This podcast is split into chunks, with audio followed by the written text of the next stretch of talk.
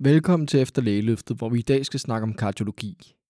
Specialet, hvor du kan blive klog på kærlighedens organ og med mulighed for at håndtere medicinske og invasive behandlinger. Jeg besøgte Birgit Jolander, overlæge på Nordsjællands Hospital i Hillerød, for at blive klogere på, hvordan det egentlig er at være speciallæge i kardiologi. Og så har Birgit faktisk også arbejdet flere år i medicinalindustrien, så glæder dig til at høre mere om det.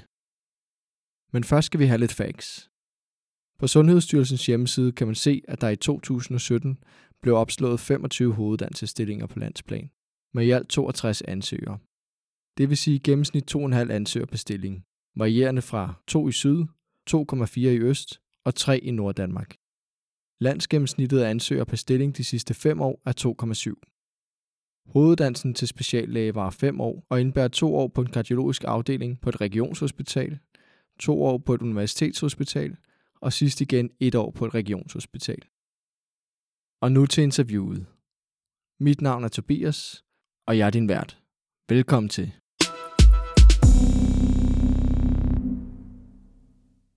Jamen, øh, velkommen til, Birgit. Tak. Tak fordi du vil være med her. Tak for invitationen. Velbekomme. Vil du øh, starte med at introducere dig selv? Jamen, jeg hedder Birgit Jolander, og jeg er områdeansvarlig overlæge på Nordsjællands Hospital i Hillerød. Og det betyder, at jeg har ansvaret for sengeafdelingen, kardiologiske sengeafdeling, og også vores øh, akut kardiologiske funktion i akutmodtagelsen. Mm. Hvad har du lavet før her? Jeg har været overlæge på Nordsjællands Hospital i 10 år. Ja. Men inden da har jeg først øh, haft øh, en del år på Rigshospitalet, hvor jeg har lavet noget forskning og har lavet en Ph.D., og en del af tiden var jeg også øh, på udveksling i USA og lavede en del af min Ph.D. i USA. Det var tilbage mm. i midt-90'erne. Og så har jeg været tilbage og haft introduktionsstilling i kardiologi. Og på et tidspunkt så havde jeg faktisk en afstikker til øh, medicinalindustrien, hvor jeg var ansat hos øh, Novo Nordisk i tre år, men kom tilbage til kardiologien derefter. Så det var mellem din intro og videre uddannelse? Eller Ja, hvordan? det var lige inden, at øh, jeg skulle have min øh, hoveduddannelse. Og hvor fik du så hoveduddannelsen hen? Ja, hoveduddannelsen fik jeg henholdsvis på Rigshospitalet og Bispebjerg, så det var en kombineret stilling der. Ja. Og på det tidspunkt, der ændrede man egentlig øh, uddannelsen af speciallæger, så det var sådan en overgangsordning. Så jeg øh, kom egentlig oprindeligt fra den øh, tidligere ordning, hvor man havde to års øh, intern medicin og efterfølgende øh, subspecialisering i kardiologi. Men øh, jeg endte med at have et, et forløb på Bispebjerg og Rigshospitalet, og var nogle af de første, der blev uddannet øh, som øh, intern medicin, kolon kardiologi. Ja, okay. Og hvor har du, har du så haft ansættelser siden din hoveduddannelse? Øh, jamen siden min hoveduddannelse, hvor jeg var færdig på Rigshospitalet, der har jeg faktisk kun haft ansættelse ind på Nordsjællands Hospital i Ja, Hillerød. Ja. Okay. Øh, vi har jo to matrikler, og vi har også en matrikel i Frederikssund, og der har jeg også øh, indimellem funktion, eller har haft funktion indimellem. Og vi kommer jo til at snakke om sådan kardiologi generelt, men også hvad man sådan laver på, på de større universitetshospitaler osv. Men til at starte med, så øh, læser jeg Sundhedsstyrelsens definition af specialet op. Intern medicin kardiologi omfatter forebyggelse, diagnostik, behandling, palliation og rehabilitering af patienter med medfødte og erhvervet hjertekarsygdomme, herunder koronarkar og hjerteklapsygdomme, hjertesvigt og hjerterytmeforstyrrelser. Opgaverne omfatter akut og elektiv diagnostik, behandling og pleje af patienter. Behandlingen kan både være medicinsk og invasiv. I kardiologi er der følgende kerneopgaver. Iskemisk hjertesygdom, herunder akut koronart syndrom og stabil iskemisk hjertesygdom.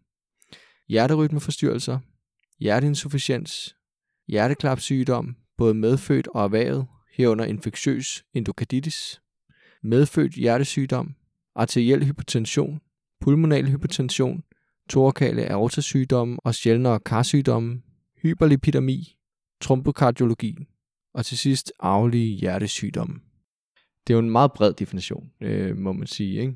Er der noget, du synes, der skal uddybes? Nej, jeg synes, at det stemmer meget godt overens med øh, faktisk, hvad vi ser til daglig. Vi ser en meget bred øh, vifte af patienter til daglig, som kommer i vores akutmodtagelser, i vores øh, akut kardiologiske modtagelse, og som vi så efterfølgende indlægger enten øh, på kardiologisk afdeling i Hillerød eller på Frederikssund.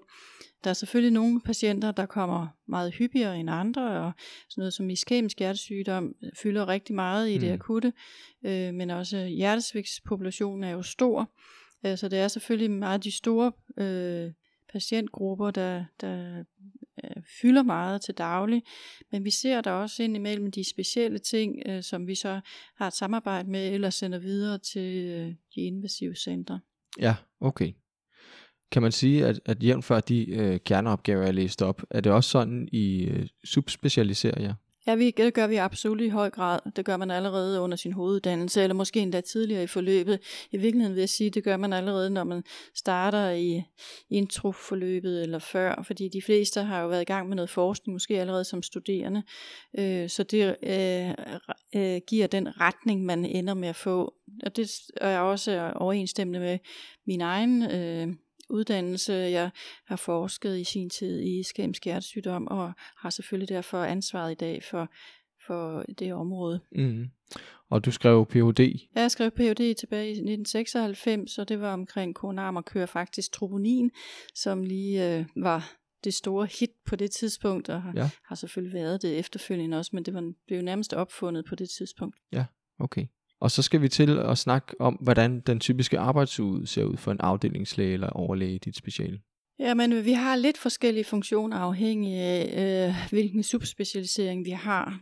Der er dem, der har subspecialiseret sig i arytmi og pacemaker, de er selvfølgelig øh, i pacemaker-ambulatoriet og, og lægger pacemaker, og øh, dem, der har med hjertesvigt, de arbejder selvfølgelig i hjertesvigtsklinikkerne, som er meget ambulant arbejde, og os, der er subspecialiseret i iskemisk hjertesygdom, har en, en del akut funktion, men selvfølgelig kan vi også have opfølging og, øh, og også supervisere også øh, i hjerterehabiliteringen. Ja, og hvis vi sådan går ind i de enkelte funktioner og prøver at snakke lidt mere om dem, hvis vi tager ambulatoriet for eksempel, hvilke forskellige ambulatorier har I for eksempel her på Hillerød, og hvad har man typisk på en kardiologisk afdeling? Ikke? Jamen, vi har jo et ekoambulatorium, som er meget stort. Det er selvfølgelig et meget central øh, ambulatorium på en kardiologisk afdeling.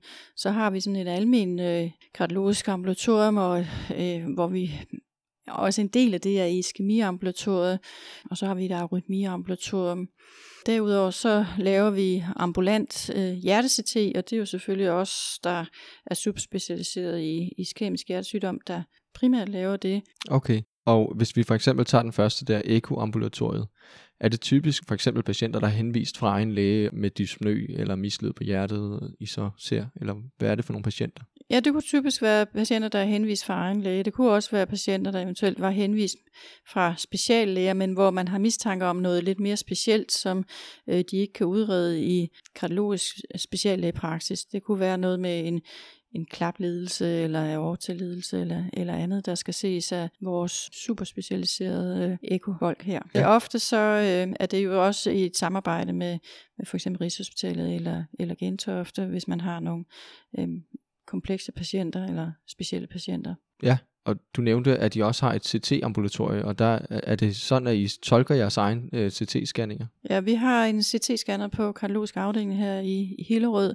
og vi sender vores øh, stabil angina og også til en vis grad ustabil angina, afhængig af hvor ustabil de er selvfølgelig, til udredning øh, for iskemisk hjertesygdom med en, med en superkut hjerte-CT typisk kan også godt lave en, en fremskyndet som på dagen.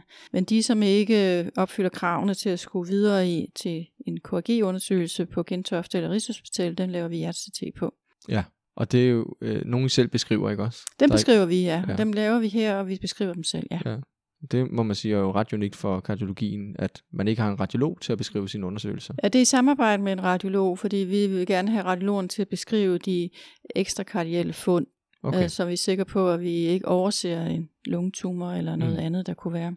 Så okay. det er altid i samarbejde med radiologisk afdeling. Det er også radiograferne fra radiologisk afdeling, der udfører hjerteciteten teknisk set, kan man sige. Okay. Øh, men det er os, der beskriver dem, og det er os, der lægger planerne for patienterne. Hvis der ikke er noget på hjerteciteten, så kan de sendes til egen læge. Hvis der er begyndende overforkalkning, så sætter vi dem i relevant forebyggende behandling og en mindre del går videre til KRG, fordi man har mistanke om, at der er en signifikant stenose. Ja, og så er der øh, forvagt-bagvagtsfunktionen. I indlægger jo jeres patienter via akutmodtagelsen, kan man sige. Ikke? Men kan du sådan prøve at beskrive den typiske kardiologiske patient? Ja, det har udviklet sig rigtig meget i løbet af de 20 år, eller mere end 20 år, jeg har været speciallæge. og selve sygdommen, eller både iskemisk hjertesygdom og også hjertesvigt, har også udviklet sig. Øh, jeg var ung læge, så øh, døde patienterne jo af både af hjertesvigt og også af arytmier i forbindelse med iskemi, men øh, det er slet ikke sagen i dag. De lever øh, i bedste velgående og har en rigtig god livskvalitet med deres kroniske iskemiske hjertesygdom. Men det betyder selvfølgelig, at de bliver indlagt øh, gentagende gange med recidiv af deres symptomer, og så skal vi vurdere, om det er noget, der skal udredes yderligere eventuelt med en REKRG, eller vi kan optimere deres medicin. Og i dag der er det ikke usædvanligt, at vi har patienter, der fik lavet bypassoperation i 90'erne, og har været fuldt i vores øh, ambulatorier, eventuelt øh, hjertesvigtsambulatorier op gennem nålerne, og nu nærmer de sig plus 90, men er stadig i vi gør, og øh, den sidste jeg havde, kørte stadigvæk bil og havde et arbejde hver anden uge på øh, et museum. Så de har en rigtig god livskvalitet. Det er jo en fantastisk udvikling, der er sket med vores speciale. Men det betyder også, at vi har rigtig mange patienter. Nogle gange så øh, taler vi om, at vi har sejret os selv ihjel som kardiologer, fordi mhm. at det er en meget, meget stor gruppe af patienter, øh, som lever med deres iskemiske hjertesygdom og med deres hjertesvigt, og det, har, det betyder rigtig meget for, øh, for specialet og for bemandingen og så videre, og for dimensioneringen af specialet. Ja, og øh, jeg ved også, at I har drønt travlt i akutmodtagelsen oftest. Det er jo ikke usædvanligt, at der kommer ind med brystsmerter og AKS øh, og det er selvfølgelig derfor, vi har lavet den her satellit i akutmodtagelsen. Tanken er, at man skal øh, som speciallæge kunne vende de her patienter eventuelt i døren, øh, eventuelt optimere medicinen, hvis det er hjertesvigtspatienter, også nogle gange med øh, angina-patienter kunne man eventuelt optimere den antianginøs behandling og øh, få dem sendt hjem, hvis ikke de har øh, troponinudslipper og er non-STEMI-patienter, så ja. bliver de selvfølgelig indlagt. Ja. Øh, men vi kan faktisk afklare rigtig mange patienter i vores øh, akutfunktion dernede. Mm. Vi har god øh, support af vores øh, kardiologiske sygeplejersker, som også deltager i den der akutfunktion. Ja. Og det er jo også noget, som jeg ved, du selv har været primus motor for, det der med at rykke kardiologerne up front, altså så man står øh, og, og egentlig kan udelukke, om det er AKS eller ej i akutmodtagelsen frem for at de skal igennem akutmodtagelsen og indlægges på en kardiologisk afdeling og ligge der i ja, alt det, for lang tid. det er korrekt. Det er, det er vi sådan lidt, kan man sige, frontløber for her på Nordsjællands Hospital, ja. Ja.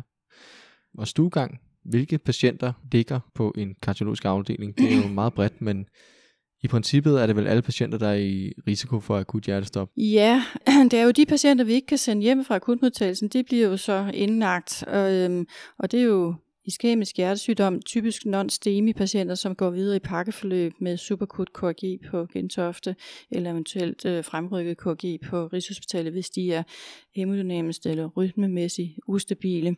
Så er der også en masse hjertesvigtspatienter, og så har vi en rigtig stor population af atrieflimmerpatienter, som skal rytmereguleres, og de skal startes i AK-behandling, før vi eventuelt kan sende dem til superkut DC-konvertering. DC-konverteringen sker jo typisk efter fire uger, når de har haft fire ugers AK-behandling. Så, ja. men, men det er sådan de store patientgrupper. Så har vi også nogle lidt mere komplekse patienter, og det er vores endokarditpatienter, som har nogle lange forløb. Men der gør vi typisk det på stuegange. Vi har øh, vores patienter grupperet i øh, tre grupper.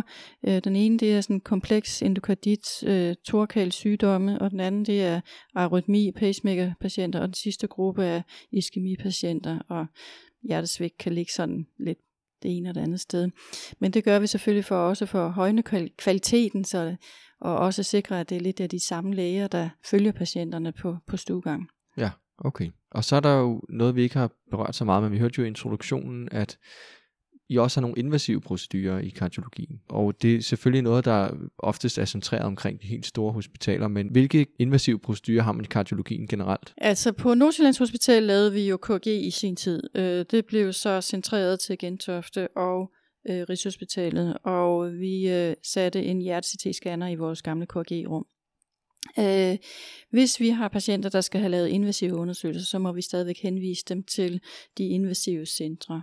Og det, der laves der, det er jo selvfølgelig øh, KG og PCI, øh, men det er jo også øh, anlæggelse af avancerede pacemaker, ICD-pacemaker, bilventrikulær pacemaker. Øh, det kan være øh, overbrændingsbehandling af øh, atrieflimmeren eller superventrikulære øh, arytmier. Øh. Ja, men oftest noget, der er øh, højt specialiseret, ikke? Så, så noget, der er på de helt store Ja, altså, men når, man, når vi nu snakker karriere, så kan man sige, så vælger man jo på et tidspunkt, øh, om man skal være på et invasivt center, eller man skal være på øh, mere generel kardiologi på de store akuthospitaler. Så det er, det er, det er lidt en forskellig funktion, ikke? fordi jeg tror, de invasive kardiologer er vel endnu mere subspecialiseret, end vi mm. er. Mm. Laver I også skift af klapper egentlig, eller er det øh, thoraxkirurgerne? Ja, altså, ja, det er jo thoraxkirurgerne, men det, efterhånden er det jo så også blevet øh, kardiologerne, fordi man kan lave dem perkutan, ikke? så mm. man har jo de her øh, taviklapper, som, og også efterhånden andre, også mitral prostyrer, som, som er under udvikling. Ja, ja okay. Og der kan man sige, der skældner kardiologien så lidt ud, fordi øh, i modsætning til meget af det andet invasive radiologiske, der sådan er, er, er kommet her inden for de sidste 15 år, øh, som radiologerne stadig har i mange af specialerne, så har kardiologerne alligevel formået at holde på meget af deres, øh, så det er dem, der selv laver deres PCI og, og, øh, og, og så videre. Øh, faktisk laver jeg også meget af jeres egen billeddiagnostik, øh, selvfølgelig har I eko, men som du nævnte også MR og CT. Det er korrekt, ja. Altså der, har vi, der har vi på en eller anden måde haft en tradition i kardiologien for, at vi laver vores egen billeddiagnostik. Jeg tror dog, det er ved at komme også i andre specialer. Men, det kan øh, godt være, ja. Øhm, hvilke funktioner har man ofte som yngre læge? Hvor starter man henne i alt det her?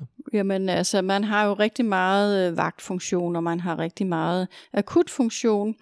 Øhm, så, så det er jo der, man starter. Øhm, der er jo selvfølgelig også, øh, vores yngre læger går også stuegang, øh, og nogle af dem har også yngrelægeambulatoriet. Så, så, så egentlig er man lidt over det hele.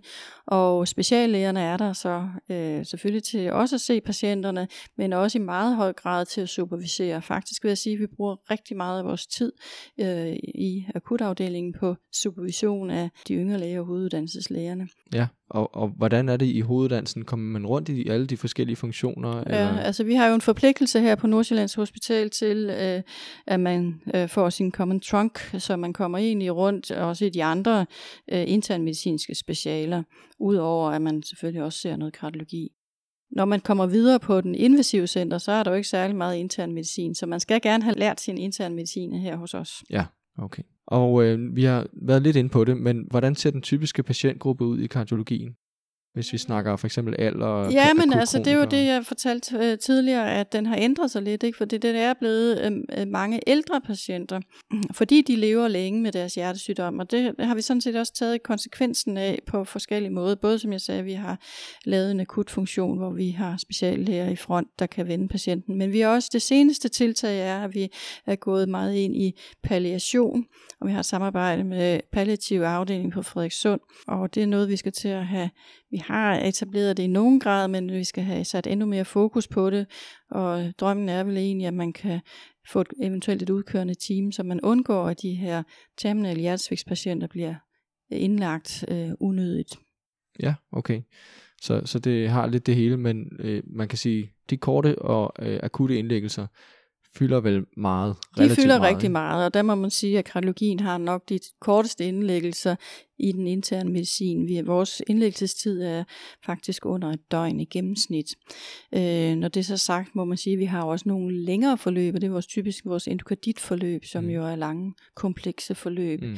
Og jeg vil sige, at det har, specialet har også udviklet sig på den måde, at patienterne ofte ikke kun fejler én ting, men de har ofte mange sygdomme. En stor del af dem har diabetes, og mange har også øh, nyere sygdom. Så der har vi god brug for vores øh, kollegaer, øh, både endokrinologer og nefrologer psykologer. Ja. Og vi har et tæt samarbejde med dem. Ja, og vi har jo næsten været inde på det, men jeg ved ikke, om du kan tilføje noget. Øh, hvordan varierer specialet fra de store universitetshospitaler til de mindre og mere decentrale sygehus? Altså man laver de invasive ting på de centrale sygehus og mere almen kardiologien på på akutsygehusene.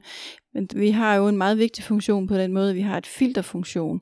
Så har patienten øh, stor komorbiditet eller øh, andre ting, som gør, at øh, de vanskeligt kan komme igennem en invasiv behandling, så er det jo vores forpligtelse at få vurderet det og få det sorteret fra, sådan, så vi ikke sender nogen unødigt ind til en behandling, der ikke burde have fundet sted. Ja.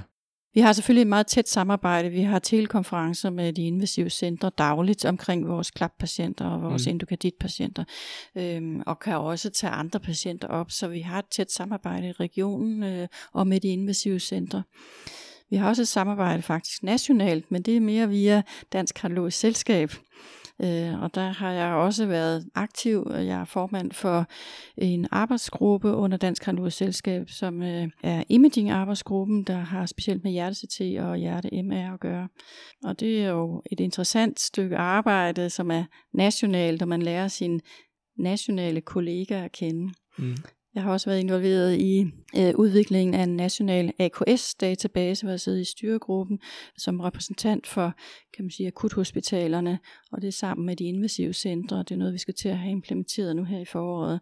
Det er regionerne, der er ved at udvikle det svarende til, hvad vi har af hjertesvigtsdatabase. Så det er også et område, der er interessant, øh, at man kan samarbejde på national plan med sine kolleger. Ja, helt bestemt. Hvad finder du mest spændende ved kardiologien?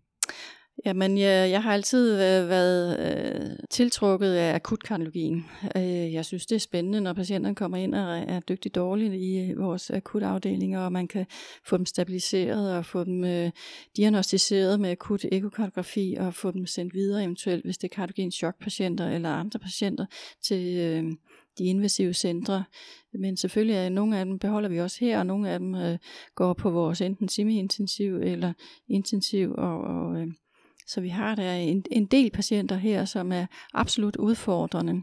Og som jeg sagde før, så bliver patienterne også øh, mere og mere komplekse, fordi de fejler sjældent kun én sygdom, men er tit øh, kombinationen af, en, af diabetes og øh, nyresygdom og kardiologisk sygdom. Så, mm. så, så det er faktisk øh, komplekse patienter, vi har, som der skal en speciallæge til for at kunne øh, håndteret på stuegang, og det kan være noget af vores udfordring gang med, men det kan være svært at sætte en yngre læge til. Så vi har stor brug for kardiologisk øh, speciallæge-ekspertise. Ja, ja. Hvad, hvad, hvordan er det egentlig sådan, man kan sige, i kardiologien er der jo hele tiden det der med, at, at det er altid potentielt alvorligt. Altså hvis der kommer en ind med brystsmerter, er det jo potentielt alvorligt. Øh, og der er jo også nogle diagnoser, selvom du har taget øh, diverse undersøgelser, så kan du aldrig bide dig helt sikker i, om, om man har overset et eller andet, for eksempel et aortaneurisme. Eller. Hvordan er det, øh, ligesom, øh, skal man være lavet noget særligt for ligesom at kunne befinde sig i den del? Ja, jeg tror da, man skal... Øh, det, det, jeg tror da, man skal kunne lide det. Man skal kun lide at være de akutte, og man skal kun lide, at tingene går lidt stærkt en gang imellem, og man skal også kun lide, at der indimellem er tryk på. Andre gange er det selvfølgelig mere stille og roligt. Altså jeg tror, man vælger sit speciale efter, hvordan man er som menneske, og, og de specialer, der for mit vedkommende har været aktuelle, det har enten været kardiologi eller intensiv medicin, altså anestesi eller almindelig medicin det, det er nok de speciale, der har været i min overvejelse. Men ja. egentlig vil sige, at jeg har ikke overvejet så frygtelig meget. Tingene er egentlig bare gået sådan lidt af sig selv. Ja. Og så pludselig var jeg kardiolog. Ja, ja okay. Ja. Så, og det lyder da meget dejligt, hvis det er gået siden. Ja. Jeg får vende tilbage til dit uh, spørgsmål om, hvad der var sådan irriterende eller lidt kedelige opgaver. Det, jeg synes egentlig ikke, at der er sådan et kedelige opgaver. Jeg har jo selvfølgelig som områdeansvarlig overlæge også en masse udviklingsopgaver. Og det synes jeg også er spændende. Det, der kan være udfordring, det er at have tid til de her mm. udviklingsopgaver. Øhm, er der noget, som du ville have vidst, inden du gik ind i kardiologien? Et eller andet, der du husker i, i, i sin tid, at der overraskede dig? Jeg, noget af det, som jeg har tænkt på efterfølgende, altså jeg var ikke i tvivl om, det skulle være kardiologi, eller, som jeg sagde, de to andre specialer, men øh, noget af det, som har overrasket mig i forløbet det er, at alt, hvad man begynder at interessere sig for, bliver jo spændende. Så det, i dag tror jeg ikke, det havde været så afgørende, om det havde været det ene eller det andet speciale. Da jeg valgte speciale, var det mere afgørende. Men jeg tror, hvis jeg var blevet nefrolog, eller endokrinolog, eller noget andet, så havde det sikkert også mm. været spændende. Mm. Men der er der nogle speciale, der tiltaler en mere mm. øh, end, end andre. Mm. Øhm, så er vi egentlig nået til den del, hvor vi skal snakke om andre karriereveje. Og hvis vi først tager den inden for kardiologien, jeg vil nemlig meget gerne høre om din tid i medicinalindustrien også, men hvis vi lige tager den for kardiologien først, hvilke andre øh, karriereveje en typiske hospitalslæge kan man vælge? Jamen, der er jo nogen, der vælger at nedsætte sig som øh, øh, kardiolog i speciallægepraksis. Der findes desværre ikke så mange kardiologiske speciallægepraksis, så det er ikke, øh, det er ikke et stort antal, og der er ikke mange pladser. Så, så det er nok sværere end som så. Så kan man selvfølgelig også blive ansat på privathospitaler, det er der også nogen, der er. Mm. Der er også mhm. nogen, der har det som supplerende arbejde. Ja. Så. ja. Altså som konsulent, eller, eller ja. hvordan fungerer ja. ja. ja. Så nævnte du selv, at du har været i medicinalindustrien, ja. og, og det kan man jo sige, det er jo ikke specifikt for kardiologien, øh, men i hvert fald for intern medicin er det jo en god mulighed øh, for et alternativt job. Jeg vil sige, at det var en, en spændende oplevelse. Jeg var der tre år, og det var spændende at få indsigt i, hvordan sådan et stort øh, medicinalfirma øh, fungerer. Jeg vil også sige, at det var mere hierarkisk, end vi er vant til faktisk i, øh, øh, i vores fag. Det lyder måske mærkeligt, men faktisk har man som ung læge en meget stor beslutningsmulighed. Øh, Når man står ved fronten, så afgør du jo selv, om du vil tage beslutningen, eller du refererer tilbage. Der tror jeg nok, at, at det er mere øh, fastlåst i øh, en stor virksomhed, hvor man skal følge den hierarkiske struktur meget mere, øh, og der er mere begrænsning på, hvad du selv må tage beslutninger. Okay. Og hvad er egentlig ens øh, funktion som læge i medicinalindustrien? Der er mange forskellige funktioner. Det afhænger jo af, hvor man øh, bliver ansat. Altså man kan blive ansat jo i øh, grundforskning, men man kan også blive ansat i klinisk udvikling, og man kan blive ansat, som jeg var i øh, faktisk international marketing, som international medical advisor. Ja. Øh, hvor jeg arrangerede øh, symposier og øh, sørgede for vores præsentation til kongresser kongresser og så videre, og havde også et øh, stort netværk af internationalt, det der hedder Key Opinion Leaders, øh, som er dem, der ligesom er, er mest fremme med inden for det speciale i verden. Så jeg havde mange rejseaktiviteter og var tog ud og besøgte de her mennesker, som var førende inden for deres felt. Ja, og hvordan kunne en arbejdsuge typisk se ud? Giver det mening at, at tage udgangspunkt i en arbejdsuge, eller er det mere en måned, eller hvordan? Øh? Nej, men det var jo en vekselvirkning mellem, øh, kan man sige, almindelig administrativ kontorarbejde og mø- mange møder, og også noget, en del øh, projektledelse, øh, projektarbejde, og så mange rejseaktiviteter. Ja. Og er, er man ofte sat på, på et projekt, eller arbejder man i teams med flere projekter, eller ja, fungerer man sidste, som en form for... Det sidste var, ja. man arbejder sammen med flere projek- på flere projekter i teams sammen med flere projekter. I, i, øh, det gjorde vi i hvert fald i Novo Nordisk. Okay, og hvem er så ens øh, primære kollegaer? Hvad er de uddannelser? Men det kunne være alle mulige andre uddannelser. Det kunne være folk, der var uddannet på CBS, eller det kunne være folk, der var uddannet øh, farmaceuter, eller ja, andre akademikere af forskellige art. Ja. ja. Mm-hmm. Og hvad er så lægens rolle i det øh, sammenspil? Hvad ja, min rolle var dengang, at jeg skulle garantere det lægefaglige i, i en hvilken som helst sammenhæng, øh, i alt øh, kommunikation udad til. Og også havde jeg selvfølgelig også noget undervisning øh, for de andre akademikere, som ligesom skulle undervises inden for, for det her område, for man kunne forstå, hvordan man kunne varetage øh, sin funktion som i en marketingsafdeling og så videre. Ikke? Så man skulle have en basal forståelse af, hvad man har med at gøre. Og ja. der havde jeg en del undervisningsforpligtelser også. Ja, ja. okay. Men er det rigtigt forstået, at det ligesom er at lægens opgave at holde projekterne og så videre tæt på, hvad der egentlig er relevant for klinikken? Ja, det er klart, at når man kommer med en klinisk erfaring, så øh, kender man jo dagligdagen på hospitaler. Det gør resten af medarbejderne jo ikke, når de kommer med andre uddannelser. Så det er selvfølgelig en vigtig erfaring at bidrage med.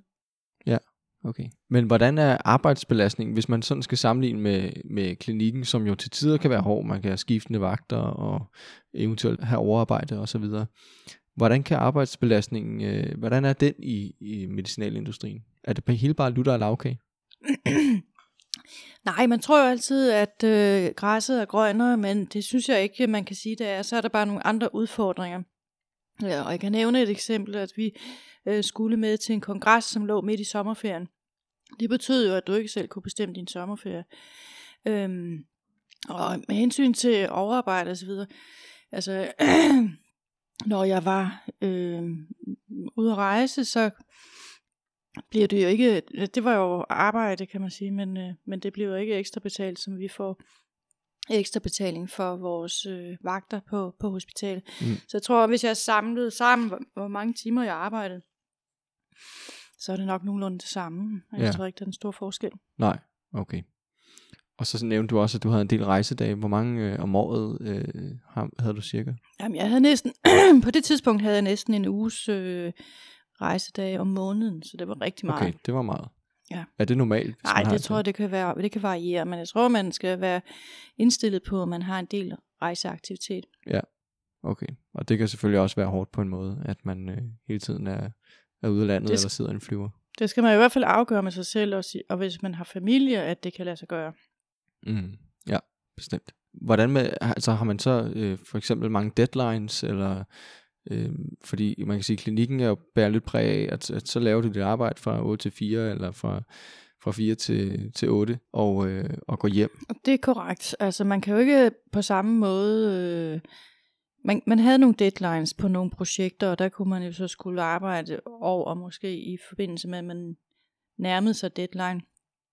I modsætning til det kliniske arbejde, som du jo ikke af gode grunde kan tage med hjem.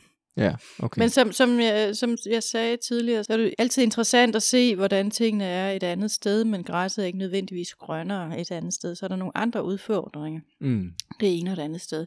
Jeg tror, det er sundt at se, hvordan det kan være andre steder, Ja. fordi det gør egentlig, at man kan blive gladere for det, man har. Ja. Jamen, øh, det synes jeg da egentlig også lyder meget fornuftigt. Min opfattelse er også, at, at øh, mange der overvejer det, fordi de ser det som et mindre stresset arbejdsliv. Men, øh, men du er ikke helt enig i, at man skal vælge det af den grund, eller... Jeg tror måske, at årsagen til, at man kan have et stresset arbejdsliv som læge i klinikken, er også i nogen grad ens egen skyld, fordi man involverer sig i mange ting. Hmm. Øh, det er jo også fordi, at tingene er spændende. Øh, så jeg tror, man kan selv i høj grad styre, hvor stresset man vil være. Ja, ja. Hvis man sådan øh, overvejer en øh, karriere inden for industrien, øh, hvordan gør man sig egentlig eftertragtet for den? Jamen, hvis du er helt ung læge, så kan du ikke have så mange erfaringer. Så må man jo bare søge en stilling. Hvis man er lidt længere fremme, øh, for mit vedkommende, så var det fordi, at jeg tilfældigvis øh, kendte noget til koagulationssystemet. Jeg havde med Novo 7 at gøre på det tidspunkt. Det var inden for koagulation. Øh, men ellers så kan man vel tage nogle fag, øh, nogle, øh, tænker jeg, det kunne man vel godt gøre sig mere eftertragtet, hvis man havde nogle økonomiske fag, eller, nogle, eller man kunne overveje at tage nogle fag på CBS. Altså, Ja. Og så går vi lidt tilbage til kardiologi. I og med, at der er så mange akutte patienter og akutte indlæggelser, er det så et meget vagttungt speciale? Ja, det må man sige, at vi har vagt. Altså det kan man ikke komme udenom. Det er vores patienter, der kommer rigtig meget i øh, aften-nattevagt. Mm. Mere end så mange andre patienter. Jeg vil tro, øh, kirurgerne jo selvfølgelig også ser en masse patienter i aften-nattetid. Så der skal jo være nogen, der kan håndtere de patienter. Jeg synes, vores øh, yngre læger og vores hoveduddannelseslæger er utrolig dygtige. Øh, de, fordi de ser så mange patienter, kommer de hurtigt op. De har en stejl learning curve og kommer hurtigt efter det. Mm. Øh, så langt hen ad vejen kan vi egentlig klare os med, når vi går hjem som speciallæger, så er vi på telefonen, og vi kan konferere patienter. Der sker selvfølgelig en gang imellem, vi er nødt til at tage ind til en dårlig patient, Mm. men det er egentlig ikke så tit. Nej, okay. Så som, øh, som overlæge går man altså hjem og, og sover? Ja, vi går hjem, øh, når vi øh, er færdige med vagten, øh, cirka kl. 21. Nogle gange kan den blive senere, nogle, ja. men, øh, men som regel vi omkring kl. 20-21 stykker. Ja. Og man får lov til at sove i sin egen seng. Det er Det gør man. meget fedt. Indtil videre. Vi Ja. ja. ved ikke, hvordan specialet udvikler sig. Nej, men, det er øh, selvfølgelig rigtigt. Øh, det er også det, at der er anbefalet. Den måde, vi har sat vores akutfunktion op i, i akutafdelingen, altså den akutte kardiologiske funktion, kalder det en chest pain unit eller brystsmerteklinik. Det er faktisk efter tysk standard, og der står meget nøje anført, hvordan det skal organiseres, og hvad der skal være af lægefaglige ressourcer og tilkald osv. Og det er baseret på, at øh, den kardiologiske bagvagt kan tilkaldes inden for 30 minutter til akut ekokardiografi. Okay. Og det er det, vi har her på Nordsjællands Hospital, men det tror jeg, man har på de fleste akuthospitaler. okay. Og hvor mange vagter har man cirka om måneden? Øh, vi har vi er otte skiftet i øjeblikket. Hvad vil det sige på en måned? Hvor mange øh, nattevagter Ja, har men det vil sige, at vi har sådan 3-4 stykker, ikke? Okay. Vagter, og så har vi selvfølgelig weekendvagter og, og også helligdagsvagter. Det, Men øhm, kan man egentlig som kardiolog øh, holde en gennemsnitlig arbejdsuge på 37 timer? det er nok de færreste, der har det. Men jeg tror godt, man kan, hvis man øh, insisterer på det. Ja. Vi har faktisk talt rigtig meget om her på Nordsjællands Hospital, at øh, have fleksible ansættelsesforhold. Fordi vi synes sagtens, vi kan gøre god gavn af dygtige folk, som måske af forskellige grunde, familiære grunde eller andre, øh, i en periode kunne tænke sig at have eventuelt nedsat tid, eventuelt få skudt tid, eller på andre måder. Det er noget, vi taler rigtig meget om. Jeg tror, det har rigtig stor betydning, at folk kan være meget fleksible. Mm. Ja, okay. Er det, er det så forventeligt, at man forsker på siden af sin klinik? Det, hvis man er invasiv kardiolog, så tror jeg, man skal forske ved Ja. siden af. Det, ja. det, det skal man ligesom gøre op med sig selv. Det hører med, hvis man er på et invasivt center. Hvis man er på et akuthospital, så kan man forske ved siden af. Og der er også mulighed for at få delte stillinger, således at man har halvtidsforskning og halvtidsklinik. Jeg tror, de fleste har forsket, og forsker måske en lille smule, eller tager del i nogle regionale, nationale projekter med at samle patienter ind, eller Mm. Okay. Så der er mulighed for begge dele, vil jeg sige. Ja, typisk vil det nok være sådan, at man enten øh, interesserer sig for forskning, eller også interesserer man sig for organisation eller for ledelse. Ja. Og det er svært at skule begge dele, tror jeg. Og Ja. Det tager for meget tid. Ja. Hvad, øh, hvad lægger I vægt på, når I optager nye specialer i hoveduddannelse?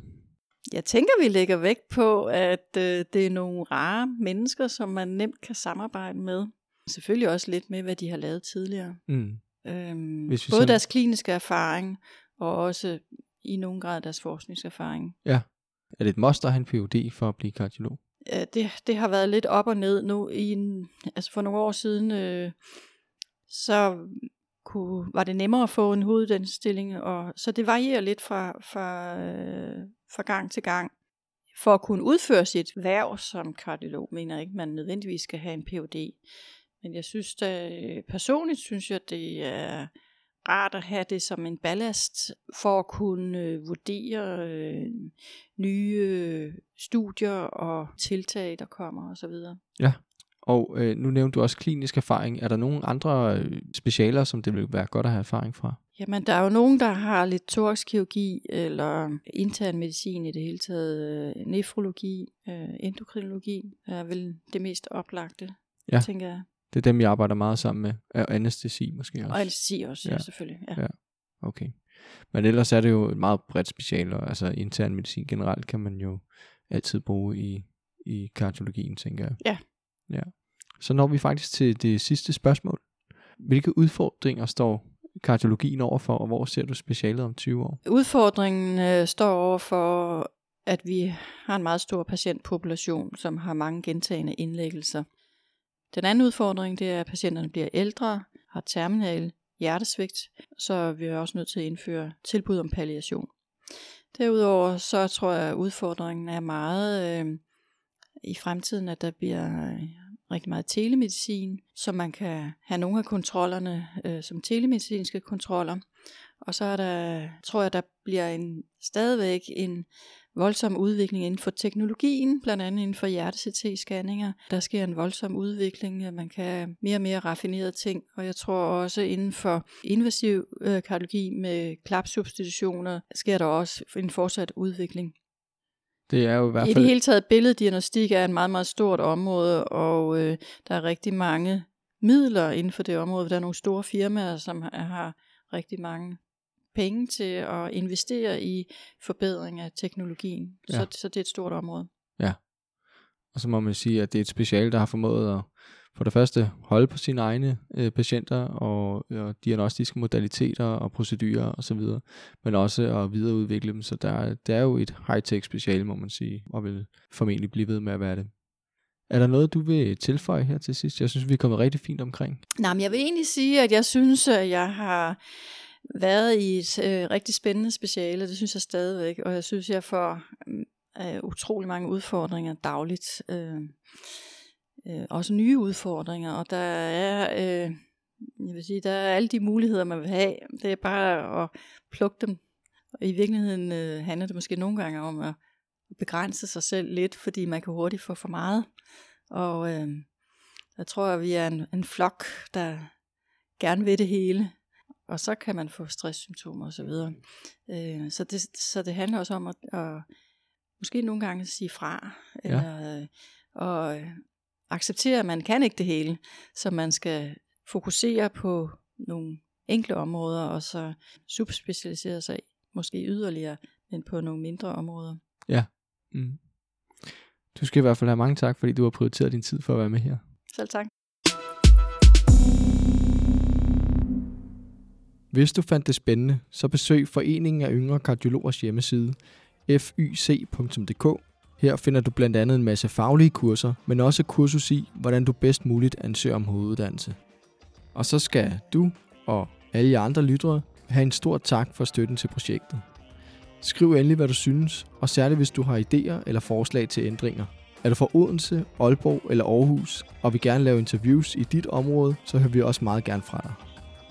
Og så er der bare at sige tak for denne gang. Lyt med om 14 dage, hvor vi skal snakke om gynækologi og obstetrik.